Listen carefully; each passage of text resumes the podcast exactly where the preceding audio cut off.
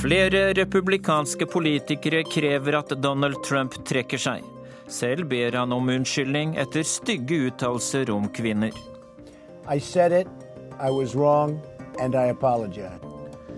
Hva sier folk i Colombia et døgn etter fredspristildelingen? Vi skal også til Tyrkia, Hviterussland og Etiopia denne formiddagen. Og ukens korrespondentbrev fra Niger har et dramatisk, men også et vakkert budskap. Og idet han kysser Alfonsin nok en gang, bryter jubelen løs på nytt. Min sidemann forklarer hviskende hvorfor alle ler. Ingen har sett dette før. For første gang viser et eldre ektepar sin kjærlighet med et kyss. Vel møtt til Urix på lørdag, mitt navn er Dag Bredvei. Først USA. Washington Post har offentliggjort en sak som sjokkerer store deler av USA. Igjen er det Donald Trump som har gått langt over streken. Avisen har fått en video der Trump på en vulgær måte snakker om kvinner. You know, I'm automatically attracted to beautiful. I just start kissing them. It's like a magnet. You just, like, I don't even wait. And when you're a star, they let you do it. You can do anything. Whatever you want. Grab them by the pussy. I videoen forteller Donald Trump at som stjerne er det fritt fram til å kysse og beføle kvinner. I natt norsk tid måtte den omstridte presidentkandidaten be amerikanerne om unnskyldning.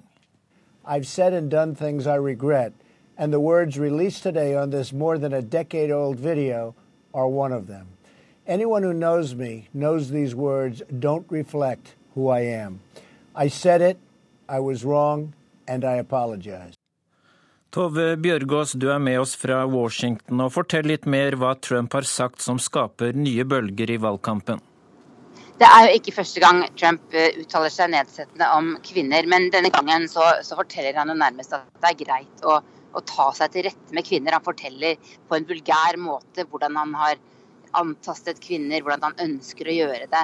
At han har forsøkt eh, å ha sex med en gift kvinne like etter at han selv hadde giftet seg med Melania. Dette er et opptak fra 2005, så det er gammelt og lenge før han ble politiker. Men, men det er så, det er så eh, eksplisitt at det skaper sjokkbølger her i USA, og fikk all dekningen i mediene her i, går kveld. Ja, det er litt dårlig forbindelse til deg nå. Fint hvis du stopper hvis du er i et kjøretøy. Det er bare halvannet døgn til ny presidentkandidatdebatt, og er det krise i Trump-leiren nå? Ja, det mener kommentatorene at det er. og bare det at Trump kom ut eh, i natt og holdt denne videotalen, eh, viser at han var rett og slett helt nødt til å be om unnskyldning allerede i går kveld for å forsøke å roe gemyttene. Og, og, Spørsmålet nå er hva som skjer i det republikanske partiet, om, om flere politikere der eh, kommer til å vende ham ryggen. Ja, for noen har allerede bedt ham om å trekke seg. Ja, to senatorer har nå bedt ham om å trekke seg. Eh, senator Mike Lee fra Utah, som aldri har støttet Donald Trump, og senator Mark Kirk fra Illinois, som kjemper hardt for sitt gjenvalg. Eh, problemet til mange av kandidatene til republikanerne til Senatet og Representantenes hus, er jo at de selv trenger å bli gjenvalgt. Og dersom de ser det som en belastning å støtte Trump, så kan vi nå komme til å se at de flykter fra ham. Eh, og det vil jo så fall være en helt historisk situasjon i en måned før et presidentvalg. Eh, lederen for eh, Representantenes hus, Paul Ryan, har avlyst et møte med Trump i dag som følge av avsløringene, stemmer det? Han har, han har, avinvitert Trump til et viktig og stort valgmøte i delstat, sin hjemstat Wisconsin, og i stedet invitert visepresidentkandidat Mike Pence. Mike Pence har ikke sagt noe om det som har skjedd ennå, selv om han er blitt spurt om det. Han er jo en dypt religiøs mann som helt sikkert syns dette er veldig vanskelig. Eh, så det er knyttet stor spenning til hva han kommer til å si. Men først og fremst til hva Paul Ryan nå skal gjøre, som hele veien har hatt en lunken støtte til Donald Trump, men som veldig mange nå mener er nødt til å, å, å vende ham ryggen. Eh, det har vært mange skandaler i denne valgkampen, og er begeret fullt snart? Ja, det eh, vil jo tiden vise. Donald Trump kom ut i natt og ba om unnskyldning og la seg flat, og, og sa eh, klokt nok at han er en annen mann nå enn han var da. Han har reist rundt i USA, så han har blitt kjent med folks hverdag og ber folk om å eh, forstå at han nå skjønner amerikanerne problemer. Spørsmålet er vel eh, spesielt hva kvinnelige velgere tenker om Donald Trump etter dette. Nå er det jo hvite menn som er hans sterkeste velgergruppe, men uten eh, stemmene til en del kvinner, så vil han jo selvfølgelig ikke klare å vinne dette presidentvalget. Eh, så det vil bli svært spennende hva som vil skje det neste døgnet, og selvfølgelig i debatten i St. Louis, som jeg er på vei til nå, eh, som er natt til mandag eh, norsk tid. Takk skal du ha, Tove Bjørgaas. Vi fortsetter i USA. Amerikanske velgere med latinamerikansk bakgrunn kan komme til å spille en viktig rolle i presidentvalget. Men da må de faktisk avgi stemme, og det gjør de ikke så ofte. Noen forsøker å endre på det. Wenche Eriksen har laget denne reportasjen. Hi, you guys. Are one of Jackie or Angelica? 19 år gamle Genesis Medina banker på i et nabolag nord i Philadelphia, der det bor mange latinos.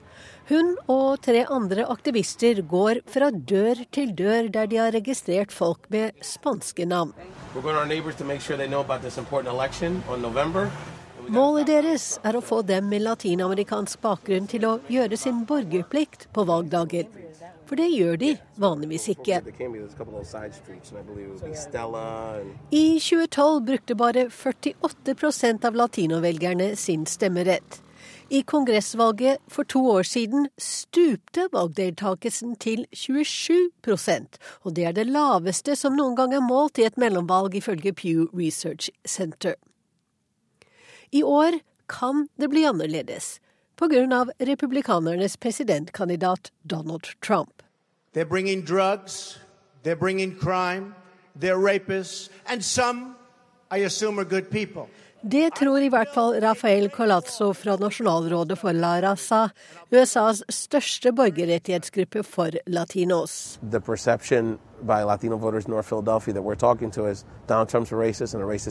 Latino. Latinovelgerne her i Philadelphia oppfatter Trump som en rasist. Det vil de ikke ha i Det hvite hus, sier han. Norma Santiago sitter på trappen utenfor huset sitt. Den eldre kvinnen er fra Puerto Rico, som er en del av USA. Men hun føler seg ikke trygg likevel. Trump vil hive oss ut alle sammen, selv om vi kommer fra Puerto Rico. Sammen hvilken rase vi tilhører. Jeg kan ikke fordra ham, jeg kan ikke fordra ham, sier hun til nyhetsbyrået Reuters. Eh, no lo soporto. If you don't like something, you go out and you try to change it, and your vote is what's possibly going to change something. Din stemme kan være det som skal til for å forandre det du ikke liker, er svaret fra aktivisten Genesis Medina. Og viser fram en app på mobilen sin som heter Latinos Vote. Med den kan folk få vite hvordan de skal registrere seg som velgere, og fylle ut det nødvendige skjemaet som skal til.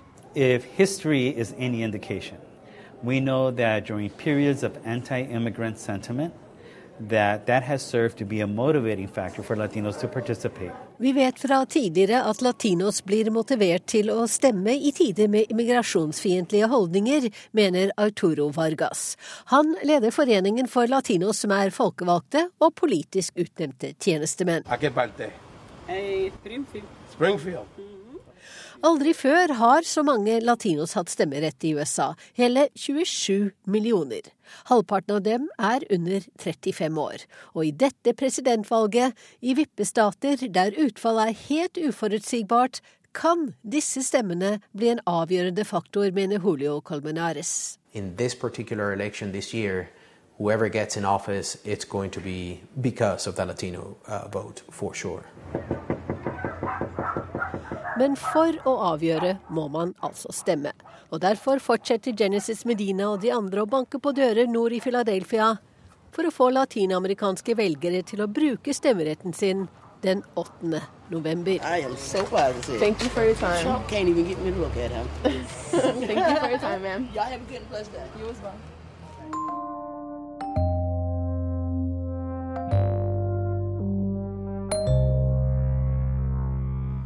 Nå Colombia i Urix på lørdag. Der er mange begeistret, men ikke alle, etter fredspristildelingen i går.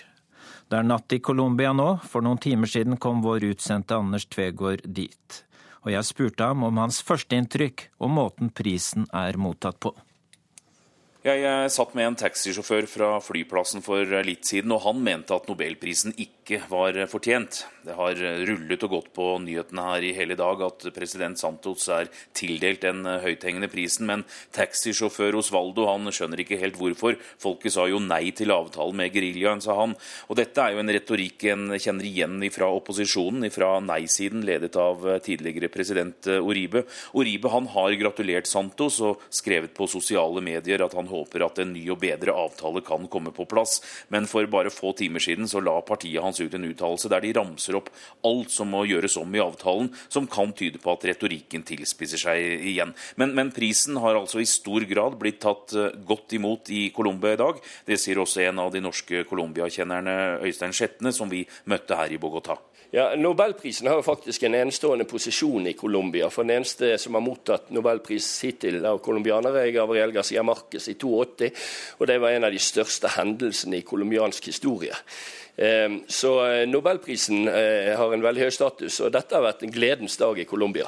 Det har vært eh, overraskende egentlig for Santos er en ganske upopulær politiker med oppslutning langt ned på 20-tallet, men dette har vært positivt eh, tatt imot. Eh, så godt som de fleste kommentatorer og analytikere i presse, politiske partier, har vært eh, positive. Selvsagt de som stemte nei, har selvfølgelig reagert negativt. Men selv der har det vært beherskede negative reaksjoner. Folk er splittet, og det viste folkeavstemningen 2.10. Og Anders, kan fredsprisen gi en effekt som forener innbyggerne i Colombia? Ja, det kan skje. President Santos vil iallfall forsøke å splitte opposisjonen og vise at en hel verden nå følger med på hva som skjer her.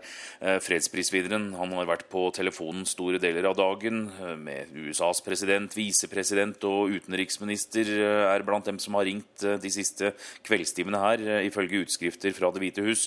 Utenriksminister John Kerry varslet også at han vil snakke med tidligere president Oribe for å få en, en fot motgang. For enten så vil Oribe forsøke å dra ut prosessen inntil en ny president velges eh, her i Colombia om halvannet år, eller så kommer en reforhandlet avtale om relativt eh, kort tid, tror kommentatorer her.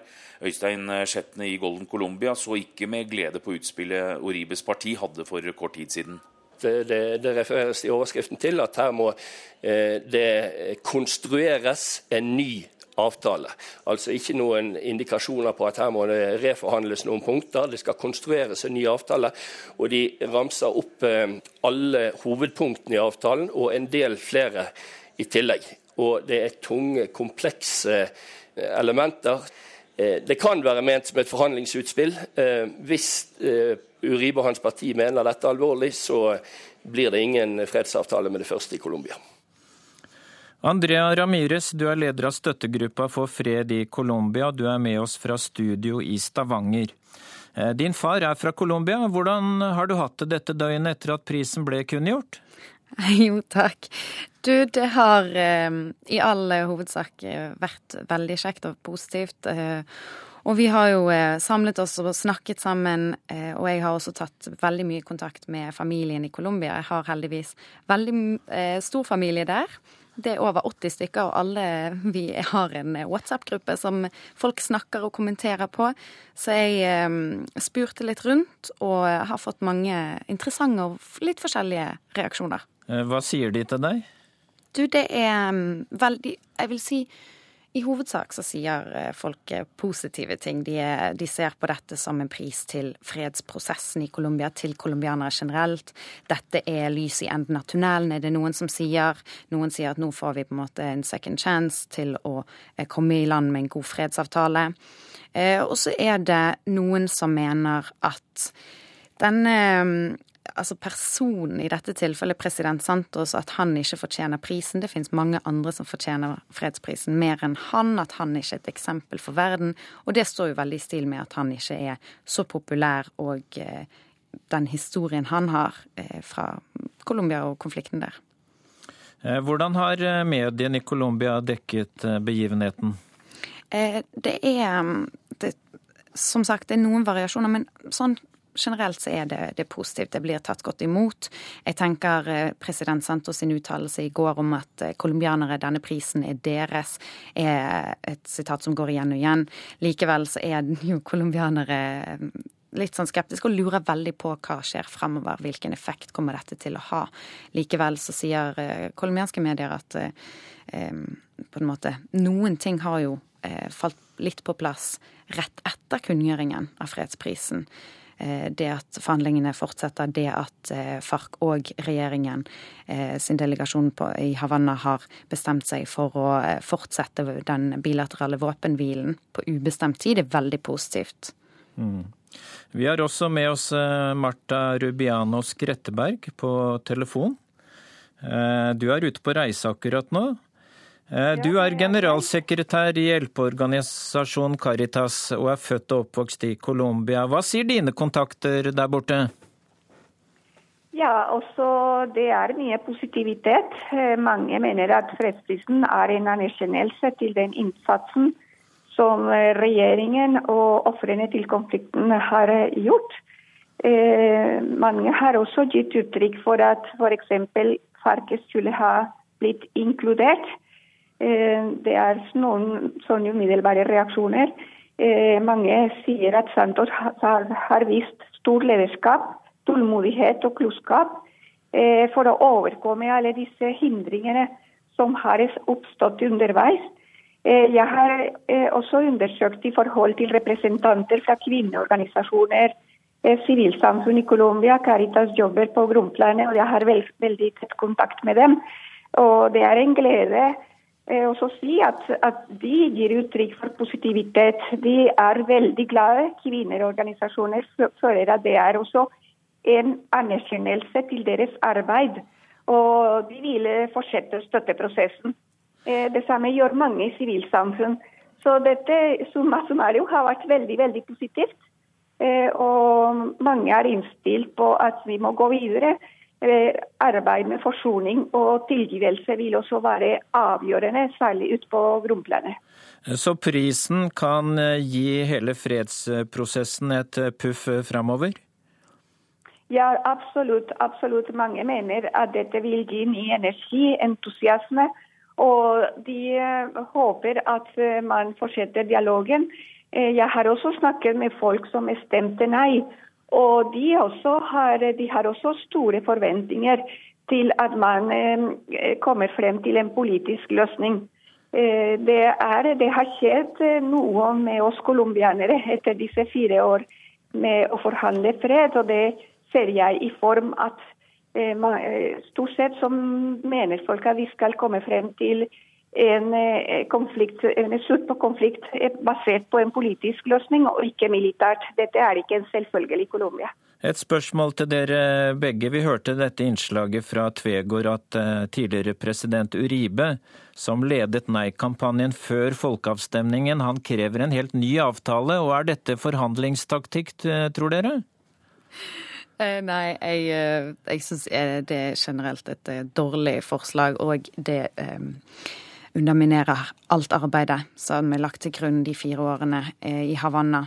Og så er det eh, syns jeg det blir helt feil, både politisk og diplomatisk, å si nei, jeg liker ikke denne avtalen, eh, jeg vil ha en, en, ny avtale. Det er ikke eh, Uribe var president i åtte år.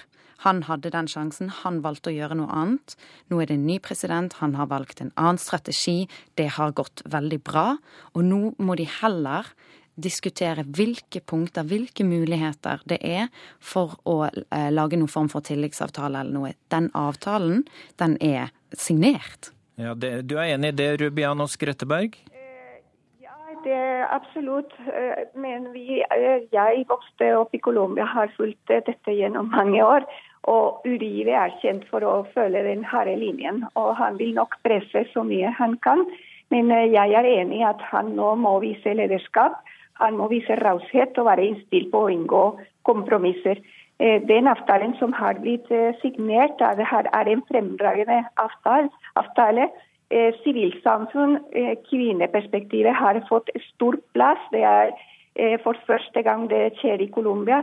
Så jeg mener at det er også på tide å stille krav til han og vise lederskap og vise respekt for det partene har kommet frem til. Så um, jeg også tenker at de som også er eh, tilhengere av hans eh, politisk, politisk parti også, skal ha store forventninger også til at man eh, fremforhandler en, en fred som er varig, som er bærekraftig og som er solid og kommer alle colombianere til gode. Mm, takk skal dere ha, Marta Rubianos Grøtteberg og Andrea Ramires. Nobels fredspris er den mest prestisjetunge fredsprisen i verden, så hvordan dekker utenlandske medier årets prisvinner et døgn etter kunngjøringen? Espen Aas i London, hva skriver morgenavisene i London om valget av årets eh, vinner? Nå er jo eh, britiske medier generelt sett ikke voldsomt opptatt av nobelprisen, og i alle fall ikke sammenlignet med Norge. Men det var ikke tvil om at tildelingen skapte både en viss munterhet og også litt eh, overraskelse. Eh, den avisen som bruker mest tid på dette i dag, er eh, avisen The Times, en konservativ avis eid av Rupert Murdoch, som eh, tar opp eh, denne på lederplass og sier at dette er en pris som Colombias leder må gjøre seg fortjent eh, til. Eh, og de er også åpenbart skeptisk til at den helt tatt eh, fikk den, og henter frem Barack Obamas fredspris som en sammenligning og viser til at den da venstrelenende eh, Nobelkomiteen eh, i 2009 bl.a. mest ga ham prisen for ikke å være George Bush. Eh, og, og, sier at dersom folk som ikke klarte å vinne folkeavstemninger, skulle få nobelpris, så ville køen blitt eh, lang. Ehm, utover det så er vel den generelle gjennomgangstonen, som også kom umiddelbart eh, på dagen i går, at det er overraskelse eh, over at eh, det var nettopp de. Mange mente bl.a. hvite hjelmene var en bedre kandidat. Og mange, vel kanskje alle, poengterer også at her var det en president som fikk en nobelpris bare dager etter at en fredsprosess delvis kollapset. Takk skal du ha, Espen Aas. Guri Nordstrøm i Berlin, hvordan dekker tyske medier prisen? Ja, Her er det jevnt over en veldig positiv mottagelse. Süddeutsche Zeitung skriver at dette er en fredspris som fortjener applaus, og utenriksredaktøren der skriver at man sjelden har hatt en fredspris som har vært så fortjent eh, som eh, dette. Eh, Frankfurter Allgemein Zeitung skriver at dette er det som vil få avtalen inn på rett eh, kjøl igjen. Og i Welt så er overskriften 'Nobels fredspris til en politisk taper'. Men også de mener at denne prisen er en oppfordring til å ikke gi opp. Og så blir det også her trukket fram at, eh, at Nobelkomiteen også tidligere har gitt prisen til prosesser som ikke er i mål, da, men at dette ikke kan sammenlignes med da Obama fikk prisen i 2009. Fordi forskjellen her er at denne fredsprosessen har kommet veldig mye lenger. Men de skriver også at det blir en utfordring for Santos i prosessen videre nå å vise at folkestemningen ikke bare var en formalitet, men at han faktisk har lyttet til eh, den også. Takk skal du ha, Guri Nordstrøm i Berlin, og takk til deg, Espen Aas i London. Christian Berg Harpviken, direktør ved Institutt for fredsforskning, PRIO. Du hadde en travel dag i går, og alle dere måtte ut og kommentere prisen. Eh, I dag lurer jeg på disse reaksjonene du nå har hørt fra Colombia, også fra medier andre steder. Er de som forventet? Jeg har vært veldig spent på reaksjonen, og jeg vil vel si at det har vært to svært gode nyheter fra Colombia denne uka, etter at folkeavstemningsresultatet var eh, en dårlig nyhet. Og den første gode nyheten var jo at eh, alle forplikta seg til å videreføre fredsforhandlingene. Og så, etter fredsprisen i går, der jeg var eh, som sagt veldig spent på reaksjonene, så er det en god nyhet at alle partene ønsker eh, fredsprisen velkommen. Noen mer nøkternt og mer avmålt enn andre. Men eh, så langt jeg har fanga opp, så har det ikke vært noen sentrale aktører som har kommet med en uttrykt eh, kritikk av fredsprisen. Og det er veldig, veldig godt nytt, ikke bare for fredsprisen, men for fredsprosessen i Colombia. Eh, hva med de strenge kravene som tidligere president Uribe krever, som vi hørte om tidligere i denne sendingen? Er det taktikk før nye forhandlinger? Det er nok litt vanskelig å si, men det bringer oss jo umiddelbart over på spørsmålet om hva som skal til for å holde liv i denne fredsprosessen, og det er ingen enkel oppgave. Eh, så vidt jeg skjønner, så er kjernespørsmålet her egentlig hva slags straffeansvar FARC-geriljaen skal akseptere. Det er allerede lagt inn en del eh, straffeansvar i den avtalen som foreligger, men det var det da altså en majoritet av de som stemte, som fant utilfredsstillende. Dette er ikke det eneste spørsmålet, men det er det sentrale, og definitivt det sentrale for Urib. Og det er flere ting med dette. Det ene er jo at regjeringen, både med Santos som medlem og under Uribs ledelse, var en regjering som selv sto for en veldig massiv voldsutøvelse. Og for Urib er åpenbart motivet å få FARC til å akseptere større ansvar, samtidig som han og hans kompaner ikke tar noe ansvar. Det er i seg selv veldig problematisk. Så da spør man egentlig FARC-lederne som sitter ved forhandlingsbordet, om å stille seg til rådighet for enda lengre straffer enn det de har akseptert så langt, uten at det er åpenbart for meg at regjeringen har noe å tilby de forhandlingene. Det kommer til å bli et veldig vanskelig kompromiss. Så tross optimismen jeg hører fra Colombia, så tror jeg at når alvoret synker inn, så vil mange se at de forestående forhandlingene kommer til å bli veldig krevende, og risikoen for at man ikke får det til, tror jeg er stor. Ja, Du, du høres eh, litt mer bekymret ut for hele prosessen nå? Ja, Hvis jeg realitetsvurderer, eh, forsøker å realitetsvurdere det forhandlingene dreier seg om, så blir jeg veldig bekymra. Og det er klart det fredsprisen gjør ved å, ved å, gå til bare den ene parten, eh, president Santos det er, det er mange gode grunner til at man gjør det. Men det man implisitt gjør, er å legge et enormt ansvar på FARC. For så langt så har FARC tatt det ansvaret, og lederen, Jiminez, i går tvitret jo umiddelbart at eh, det var ikke en fredspris han var ute etter. Den største prisen var freden i Colombia. Eh, både en morsom og en veldig konstruktiv reaksjon. Men det er klart at det er nå FARC som er avgjørende for hvorvidt fredsprosessen bringer videre. Og ved ikke gi FARC den oppmuntringen som det ville vært å være med å dele en fredspris, så legger man et enda tyngre ansvar på de. Ja, vi går spennende tider i møte i Colombia. Du, Vi hørte forskjellige reaksjoner her fra Berlin og London. og Hvordan vil du karakterisere posisjonen til Nobels fredspris ute i verden? Nobels fredspris har en enorm status uh, ute i verden. Det er ikke godt å se at det er noen andre priser som egentlig konkurrerer med den, i hvert fall hvis man ikke går over i kultur- og artistdomenet. Men det er også en del priser i nyere tid som har blitt møtt enten med et skuldertrekk eller med stort kontrovers. Og kontrovers bør det være om nobelprisen. Skuldertrekk er kanskje farligere. Den eh, prisen som ble delt ut i fjor til den tunisiske nasjonale dialogkvartetten, syns jo jeg var en strålende pris. Et meget verdig formål og verdige vinnere. Men eh, den globale interessen var relativt liten, og det er litt farlig for prisen på sikt. Og det er vel noe av det jeg liker med den ambisjonen jeg ser i dette årets fredspris. Det er en dristig pris. Man setter egentlig litt inn eh, nobelprisens politiske kapital på, å, på noe man ikke har kontroll over, fremtida til den colombianske fredsprosessen. Men dermed vil man også noe, og den viljen tror jeg er viktig. Og det kontroverset rundt fredsprisen som vi hører nå, det tror jeg egentlig først og fremst tjener eh, prisen godt. Det var skifta leder av Nobelkomiteen før fjorårets utnevnelse. og Ser det noe linjeskift i hvem prisen går til etter skiftet av leder? Det blir veldig, veldig spekulativt. Men eh, altså, jeg tror ikke skifte av leder er det vesentligste her. For det er fortsatt fem personer i komiteen. Vi som står utenfor, vi ser talspersonen, det er lederen. Men når de diskuterer, så er det fem personer som deltar i diskusjonene. Men det andre som har skjedd samtidig, er jo at det har skjedd en politisk balanseforskyvning i komiteen. Fra å være dominert av Venstre for sentrum, altså Arbeiderpartiet SV, til nå å være dominert av Høyre for sentrum, altså Høyre og Fremskrittspartiet. Og i noen situasjoner der kandidatene kanskje har en venstrepolitisk eh, type orientering, eller står veldig sterkt på en slags global rettferdighetsarena, som en igjen eh, assosierer med venstreorientert politikk, så kan nok det ha en betydning.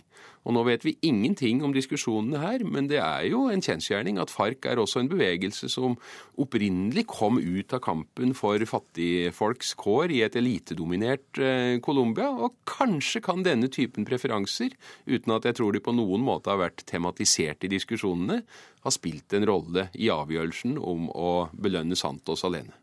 Tusen takk skal du ha, Christian Berg Harpviken.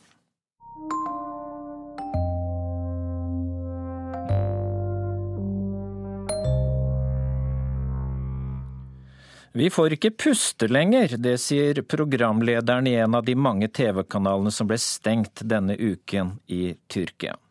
Han mener myndighetene vil kneble uavhengige medier fordi regjeringen planlegger krig mot kurderne i Syria. And in Turkey there, is, there was uh, a lot of very strong alternative media vi hadde så mange sterke alternative medier her i Tyrkia, sier Gökhan Bichidi. Han var programleder i kanalen IMJ TV, som ble stengt sist tirsdag da politiet la ned kanalen mens den var på lufta. Vi tok først og fremst opp situasjonen for kurdere. Men vi var også et talerør for marginaliserte grupper som alevitter, venstreorienterte og homoaktivister. Vi var HDP-partiet på TV, sier han. HDP er det nye venstreorienterte kurdiskvennlige partiet som overraskende fikk 13% av stemmene ved valget i fjor. President Erdogan mistenker HDP for å være en politisk fløy for den kurdiske militante gruppen PKK. Millioner så på oss. Og slett ikke bare kurdere sørøst i landet. Også tyrkere som bor her i vest med alle slags politiske syn, så på kanalen vår, forteller den tidligere programlederen. Vi møtes over et glass te på en kafé i Istanbul. Han veksler mellom engelsk og tyrkisk og har lett for å smile. Men han har et bekymret drag over ansiktet. For tyrkiske journalister som ikke føyer seg etter myndighetenes linje, har det ikke lett nå. IMC kapatıldı. Regjeringen sa at unntakstilstanden skulle brukes mot kuppmakerne og gulenistene. Men nå bruker de den til å knuse all opposisjon. For nå kan de stenge alle medier de måtte ønske, uten å ha rettens godkjennelse, forklarer Gökhan Bijiji, som mener at kårene for ytringsfrihet aldri har vært verre i Tyrkia. Hvorfor tror du kanalen din ble stengt nå, spør jeg. Çünkü İMC Türkiye'de e, sesleri kesilen... Det er fordi regjeringen forbereder seg på en krig i Syria mot kurderne. Derfor ønsker ikke de noen sterk opposisjon på hjemmebane nå, mener han. Og det er en velkjent taktikk at regjeringer som går til krig, indoktrinerer folk med nasjonalistiske ideer og terroriserer opposisjonelle grupper, føyer han til. Ifølge Bichiji ble regjeringspartiet AKP nervøse da HDP-partiet fikk 13% av stemmene. De så at oppstanden i Gezi-parken i 2013 var blitt omgjort til politisk kraft. Redselen for at kurderne i Øst-Tyrkia samler seg med sekulære krefter og venstresiden vest i landet, bekymrer regjeringspartiet AKP. Men så kom terroren i Suruc og i Ankara. Våpenhvilen med PKK brøt sammen, og deretter fikk vi kuppforsøket.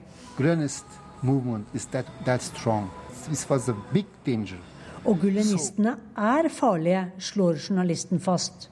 I myself have nothing against legal and democratic measurements against this movement.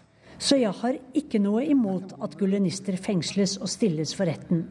Men president Erdogan lovte oss en demokratisk utvikling etter kuppforsøket.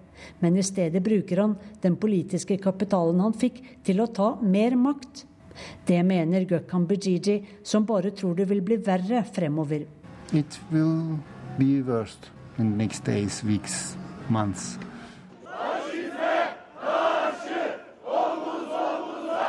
Frie medier kan ikke knebles.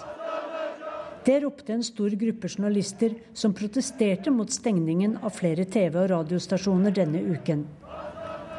På Reporter Without Borders liste over graden av fri presse ligger Tyrkia på 151. plass, etter Russland, Mexico og Tadsjikistan, av til sammen 180 land.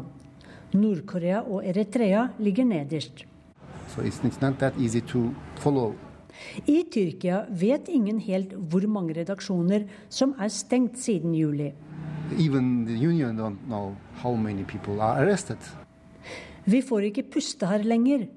Dozens of my friends, hundreds of uh, journalists in Turkey, they have no possibility to have a new job. Og om du er en ordentlig uavhengig journalist i dag, ja, så er du arbeidsløs, mener han. Nearly impossible to work as a journalist. As a real journalist. Nå leder Gökhan Bichiji den uavhengige nettavisen Dokus 8 Haber for å unngå sensur. So social media is the main channel for us now.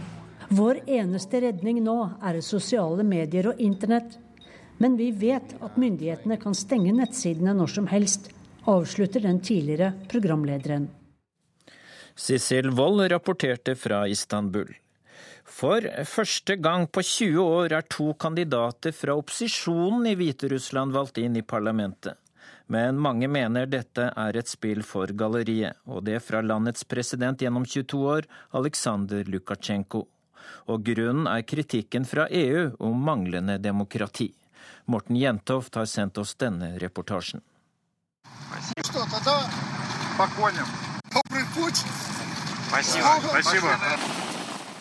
Det er slik han liker å framstille seg, 62 år gamle Aleksandr Lukasjenko, Hviterusslands president siden 1994.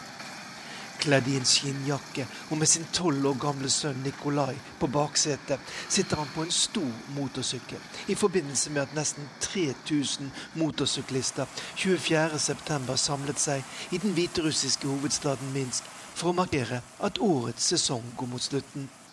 Но дело в том, что заниматься политикой в Беларуси это просто опасно.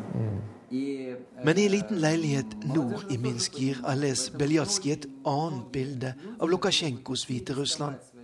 Det er rett og slett farlig å være i opposisjon til myndighetene, sier Beljatsky, og snakker ut ifra egen erfaring.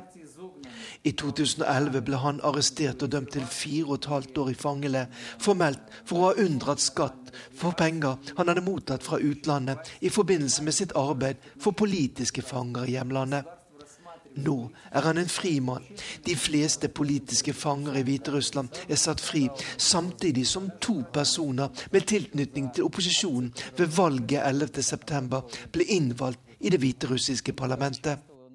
Это, был, это была неожиданность. Это, я даже не, настолько не ожидала, что мне был запланирован отпуск на 15 число. Anna Kanopotskaja er den ene av de to kandidatene som formelt ikke har tilknytning til de som sitter ved makten i Hviterussland, og som nå tar plass blant de 110 folkevalgte i det hviterussiske parlamentet, som holder til i en massiv bygning på Uavhengighetsplassen i sentrum av Minsk.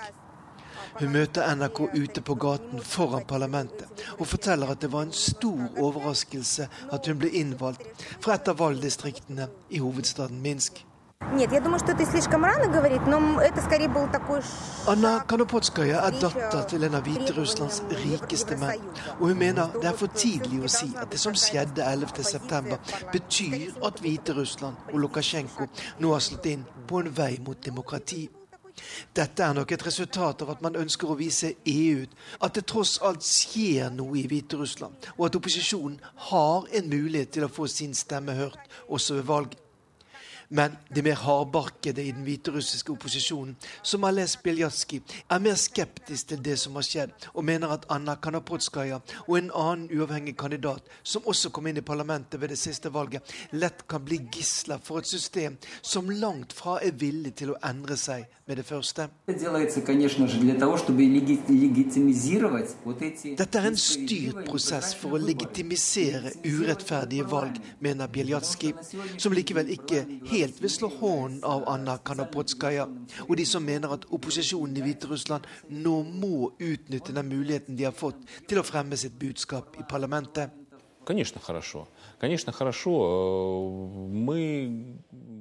Jeg mener det er bra at opposisjonen nå har kommet inn i parlamentet, sier Dmitrij Sjevtsov, som nå tar fatt på sin andre periode som folkevalgt, og som støttespiller til regjeringen og president Aleksandr Lukasjenko. Han møter NRK i resepsjonen i det hviterussiske parlamentet. Og det er tydelig at den sympatiske legen er valgt ut av presseavdelingen i parlamentet for å gi utenlandsk presse et mer nyansert bilde av et land som sliter med ryktet som Europas siste diktatur. Han mener det er feil å si at valgene denne gangen ikke var rettferdige. Opposisjonskandidater som tapte i sine valgkretser, må innrømme sine nederlag, sier Sjevtsov som også mener at det som skjedde i forbindelse med valget i september, var et stort steg i riktig retning. Dette var rettferdige valg som tilfredsstiller internasjonale krav, sier Dmitrij Sjevtsov.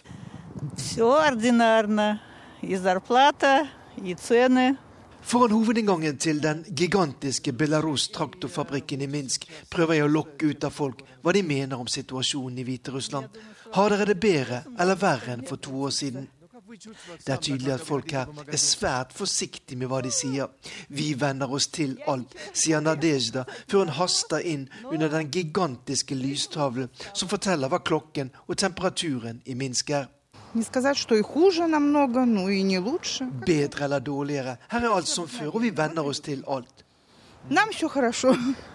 Hos oss er alt bra, sier Tamara og ler, og bruker svaret som utenlandske journalister ofte fikk da Hviterussland var en del av ettpartistaten Sovjetunionen.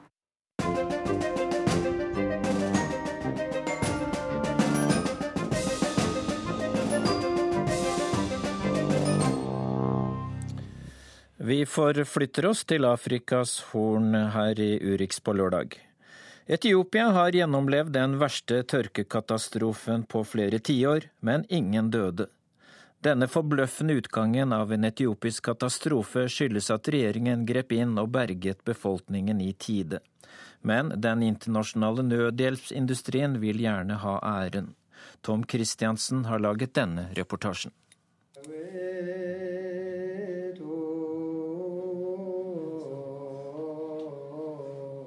I Øst-Gondor har de samlet seg i nattemørket ved kirken i sang og bønn. Måtte det komme regn. Det tok flere år før deres bønn ble hørt, nå har det regnet, ja, kanskje var det i meste laget. En tørkekatastrofe uten døde er så sensasjonelt i Etiopia at knapt noen internasjonale reportere har oppdaget det. Og den største overraskelsen er at dette har Etiopia hovedsakelig greid selv. For knapt noe har dette landet større respekt for enn hungersnød. Noen husker fortsatt 1984. Dawn, and as the sun breaks through the piercing chill of night on the plain outside Coram, it lights up a biblical famine, now in the 20th century. This place, say workers here, is the closest thing to hell on earth. BBC avslørte sultkatastrofen som statsminister Mengistu Haile Mariam forsøkte å skjule. Han stakk av etter den neste sultkatastrofen i 1991, akkurat som keiser Haile Selassie ble styrtet etter sultkatastrofen i 1975. Det tok dagens regjering lang tid å slå alarm om årets tørke, det rører ved deres stolthet. Etter sultkatastrofene har regjeringen satt opp et varslingssystem for tørke, og på radaren så de i fjor værfenomenet El Niña. De visste det allerede da. Regjeringen satte av et milliardbeløp til å forberede seg. De måtte ikke risikere at sultne mennesker begynte å vandre. For de måtte være hjemme når regnet en dag kom for å sette såkorn i jorda, og så måtte de ha såkorn. Utbyggingen av jernbanen fra Djibouti ble ferdigstilt før tida, så mat i store mengder kunne fraktes til mulige sultområder. De regnet ut at ti millioner etiopere ville trenge tilskudd av mat. Resten, 90 millioner, ville klare seg selv. Så kom tørken. De første som gikk over ende, var kyrne. Regjeringen satte i gang sysselsetting. Folk uten mat kunne jobbe for føa. På den måten ble sju millioner satt i arbeid. Men det var ikke nok. Utpå høsten i fjor varslet Etiopia verdenssamfunnet med bønn om hjelp. Det hjalp ikke mye. FN ba sine medlemmer stille med fire milliarder. Det kom bare en halv. Verden hadde nok med Syria. Så ble barna underernærte og syke, men denne gang hadde mødrene landsbyklinikker å sende dem til. Vannforsyningene var bygget ut, og lastebilene til FN nådde ut med matforsyninger da det ble akutt.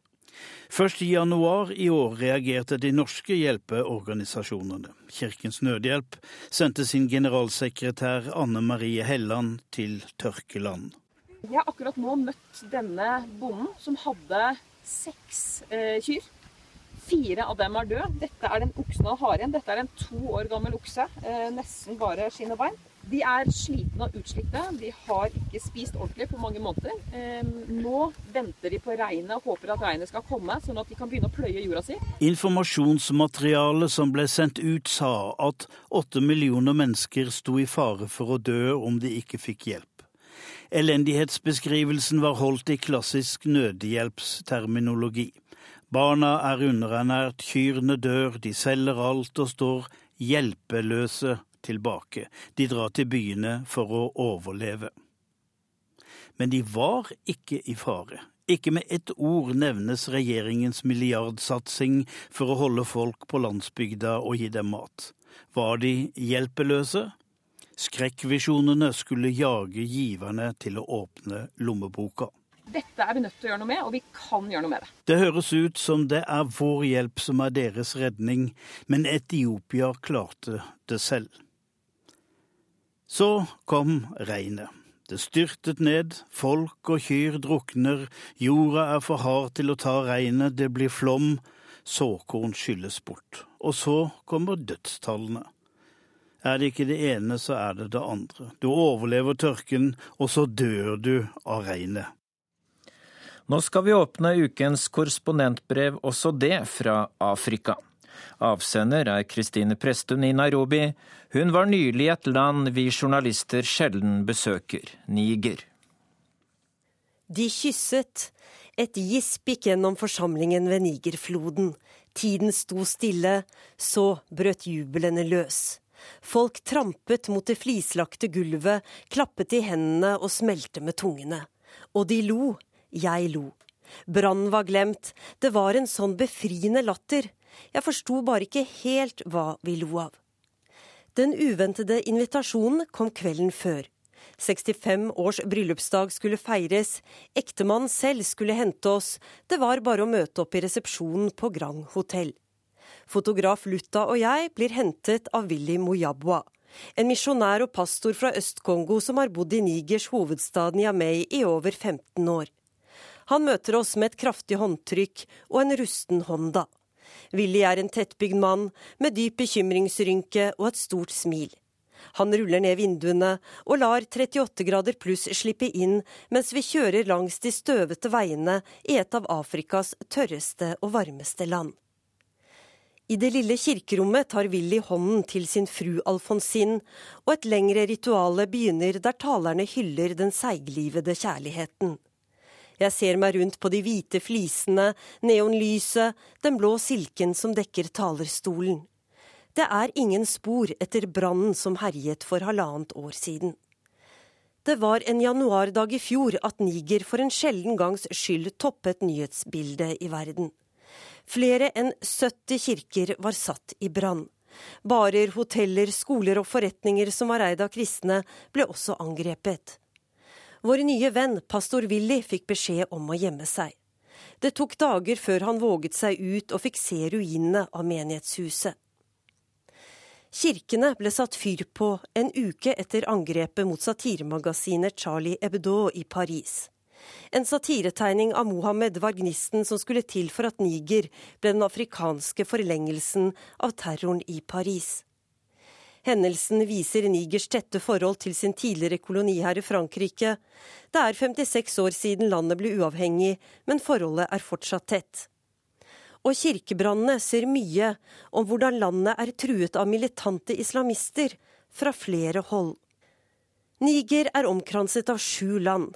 I seks av dem er islamistiske voldelige ekstremister mer eller mindre ødeleggende til stede. Det er i nabolandet Mali at flest FN-soldater i verden ble drept i fjor. Det er i nabolandet Nigeria at Boko Haram har erklært sitt kalifat, en av de dødeligste terrororganisasjonene i verden. Mot nord ligger Algerie, landet der fem Statoil-ansatte mistet livet i In Amenas i 2013. Niger bruker 10% av statsbudsjettet på det militære. De pengene kunne nok andre deler av samfunnet tenkt seg. Niger var helt nederst på FNs levekårsliste i fjor, der Norge lå øverst. Men det var ikke et kyss ved Nigers bredd alene som fikk meg til å ta den 4171 km lange turen fra Nairobi. NRK ville dekke folkeflukten fra Sahel, og de titusener som måtte flykte gang på gang pga. terroren de militante islamistene i Boko Haram skaper. Jeg har tatt med meg fire like skjorter for din skyld. Toby Lancer smiler erkebritisk og tar meg i hånden. Han er FN-byråkraten med fartstid fra Darfur og Sør-Sudan, som ikke liker å sitte på kontor. Lancer er en handlekraftig leder av det humanitære arbeidet til FN i Sahel, dette tørre beltet med halvørken som strekker seg tvers over Afrika sør for Sahara. NRK var med FN-sjefen til Diffa-regionen, det mest terrorutsatte området i Niger. Lancer forteller at han har pakket fire like skjorter, slik at jeg ikke skal få problemer i redigeringen. Medievant som han er, vet han at det kunne gitt meg hodebry om jeg skulle klippe rett fra en situasjon der han hadde på seg en rød skjorte, til et annet sted hvor han plutselig gikk i blått. Toby Lancer er kjent for å lytte til dem som står midt i krisen. Nå vil han ut til de mest utsatte stedene, der folk vet at et nytt angrep kan ta fra dem det lille de har, når som helst. Derfor er bilen vi kjører godt bevoktet av soldater. I byene Tomor og Bosso møter vi kvinner som alle har historier om grufulle overgrep. Likevel er de mest bekymret for at barna ikke får gå på skole, at ungdommen ikke får jobb. De er mødre som ser at drømmene de har for barna sine, blir knust. I Bosso er gatene nesten folketomme. 70 000 mennesker forsvant herfra i løpet av minutter da Boko Haram angrep og beleiret byen i begynnelsen av juni. Nå bevoktes spøkelsesbyen av soldater fra nabolandet Tsjad. Soldatene er med den regionale styrken som skal bekjempe Boko Haram. På tilbakeveien snur plutselig bilene foran oss, og tolken vår Mossa roper 'alert, alert'. Fotograf Lutta skyver hurtig kameraet ut av vinduet og fanger soldatene som har hevet våpnene. Mossa forklarer at han tror noe er galt. Kanskje det er en felle. Det tar noen lange minutter før vi puster med magen igjen. Senere, da jeg spør hva som skjedde, får jeg ikke noe ordentlig svar. Dagen etter slår Boko Haram til igjen, denne gangen mot landsbyen Tomor som vi nettopp forlot. Vi får vite det idet vi går ut av flyet i hovedstaden Niamey og ansiktene til alle i FN-delegasjonen blir mørke og stille av bekymring. Til tross for de hyppige angrepene fra Boko Haram i sør, mener Nigers president Mahamadou Yesufo at det ustabile Libya i nord utgjør den største trusselen mot landet. I Libya har terrorgruppen IS fått fotfeste, og de fem årene som har gått siden Gaddafi ble styrtet, har store mengder fra hans våpenlagre blitt smuglet til Sahel-området og skapt nye konflikter, og gjort gamle konflikter atskillig mer blodige. Presidenten har sagt at Sahel-området vil være utsatt for en permanent trussel hvis ikke forholdene roer seg i Libya, som deler grense med Niger og den store, uoversiktlige ørkenen Sahara en ørken som egner seg ypperlig for folk på smuglertokt. Ved den sørlige inngangen til Sahara i Niger ligger byen Agadez. Jeg går ned flytrappen, vind og sand tar tak i håret, varmen får klærne til å klistre seg til kroppen, og der ligger det som kalles ørkenens juvel. Lave, okergule hus av leire, gater av sand, en 27 meter høy minarett fra 1500-tallet laget av leire, den høyeste i sitt slag i verden. Det er lett å forstå at gamlebyen er på Unescos verdensarvliste. Men det er noe som mangler i bybildet. Det er ikke en turist i sikte. Det blir forståelig når vi får vite at faren for å bli bortført er stor, i hvert fall i utkanten av byen. Smuglerne frakter våpen og narkotika, men nå først og fremst mennesker, tett stuet sammen i pickupbiler gjennom Sahara til Libya, hvor ferden går videre over Middelhavet for de som kommer så langt. Ørkenen er full av farer.